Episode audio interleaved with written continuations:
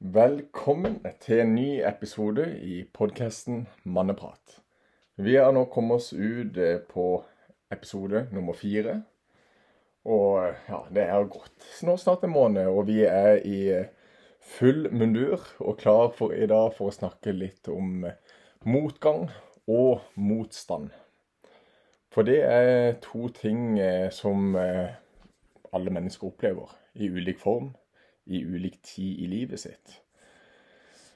Og eh, så kan du bare skyte ballen litt over til deg, Fredrik. Jeg ser du ikke her alene. Hva er det du opplever, eller har du opplevd noe, noe motgang i, i, livet ditt? Absolutt. Uh, jeg, jeg, har hatt uh, mye motgang, og kanskje også motstand i livet. Mm.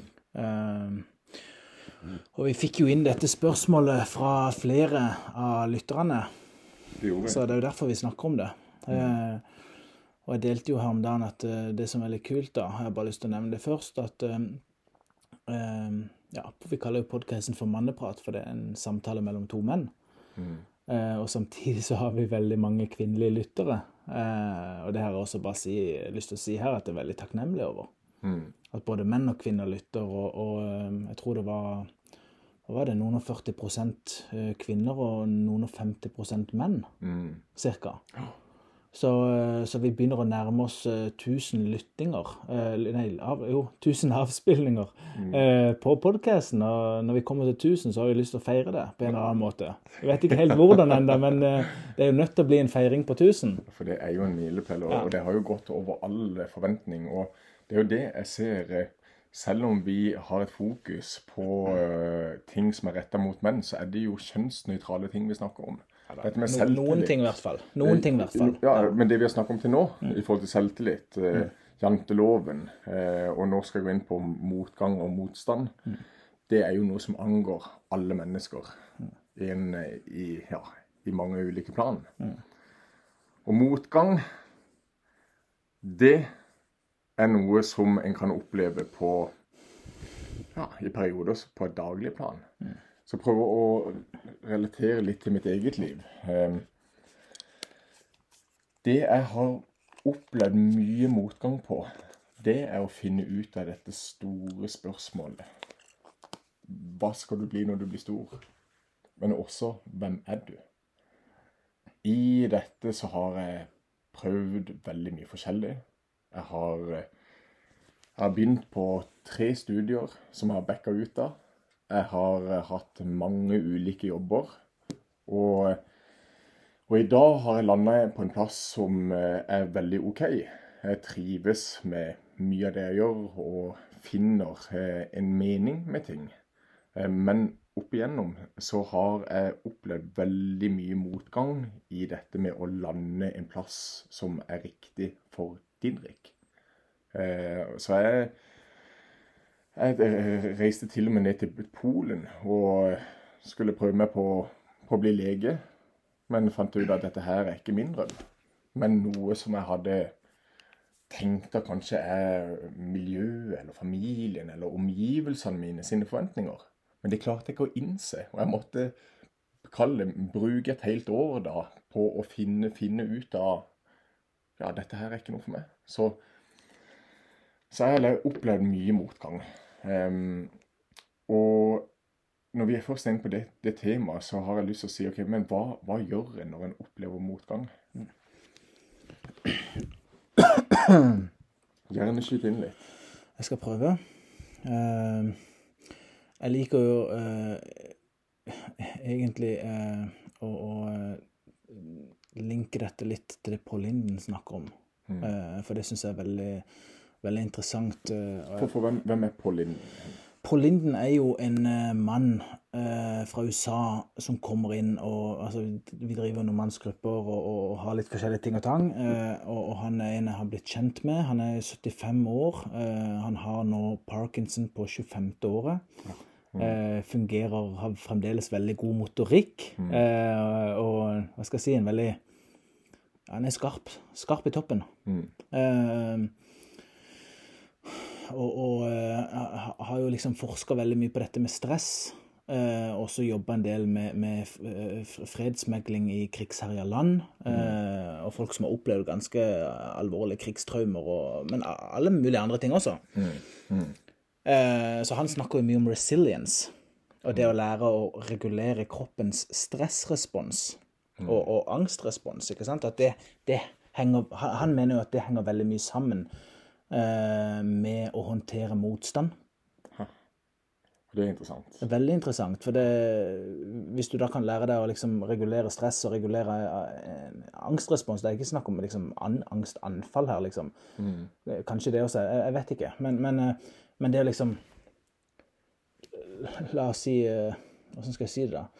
La oss si hvis du har aldri holdt et foredrag, mm. og så skal du plutselig gå på scenen. Du får beskjed liksom, hei, om ti minutter skal du gå på scenen og snakke foran 1000 folk. Mm. Du vil jo bli stressa. Du vil begynne å svette. Jeg hadde begynt å svette litt, i hvert fall. Ja, ja, det uh, og, og, så det er jo en stressrespons, ikke sant? Mm. Absolutt. Og, og, det er jo det, det, som han jobber mye med, da, det er jo dette her, som du sier, det, det kroppslige, eller det som sitter Hva som skjer i kroppen. Det, det er kroppens respons. Og i en, uh, altså en state hvor du kjenner på uh, mye motgang, så er det jo altså Den vanlige kroppslige reaksjonen er jo kanskje at en blir litt nedsunket. Synker ned, du kollapser. Ja. Uh, Istedenfor å gå ut og fortsette, så en, vil en kanskje helst sette seg under, legge seg under et teppe og spise smågodt og se på Netflix. Sånn være litt i den derre ja. kongen, da. Jo, men, men, hvis du ser det, hvis du ser for deg et menneske som er utrolig mørk og deprimert og tungt til sinns mm og så ser du for deg et menneske som er, eh, trives i livet, eh, trives i arbeid, trives i relasjoner og holder på med eh, noe som det mennesket har passion for. Mm. De vil mest sannsynligvis ha en litt annen måte å holde seg sjøl på eh, gjennom kroppen. Mm. Men, men, jeg har bare lyst til å si litt på det i forhold til motstand. Jeg, jeg har møtt mye motstand i livet. Det, og det tenker jeg jeg skal åpne enda litt mer opp om i episodene som kommer framover. Mm. Uh, jeg, jeg, tror jeg nevnte litt om det siste òg, men siden det var en mann som spurte om vi kunne snakke om dette her, uh, så har jeg lyst uh, å si at Si noe om hva jeg har gjort når jeg har hatt motstand. Mm. Eller møtt på ting som ikke fungerer, og, altså hva enn det Uh, Um, og det fins jo tre magiske ord for menn. Vil du høre det? Veldig gjerne. Nå ble jeg spent. Jeg trenger hjelp. Mm. Ja, jeg vil ha hjelp. Er det noen som kan hjelpe meg? Mm.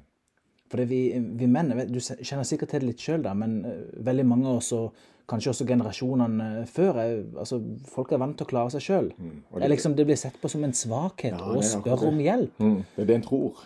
Ja, du tror det, men det er jo egentlig ikke det. For tenk hvis du kan begynne å spørre om hjelp, tenk hvor mye du kan begynne å lære. Mm. Veldig interessant. Ja.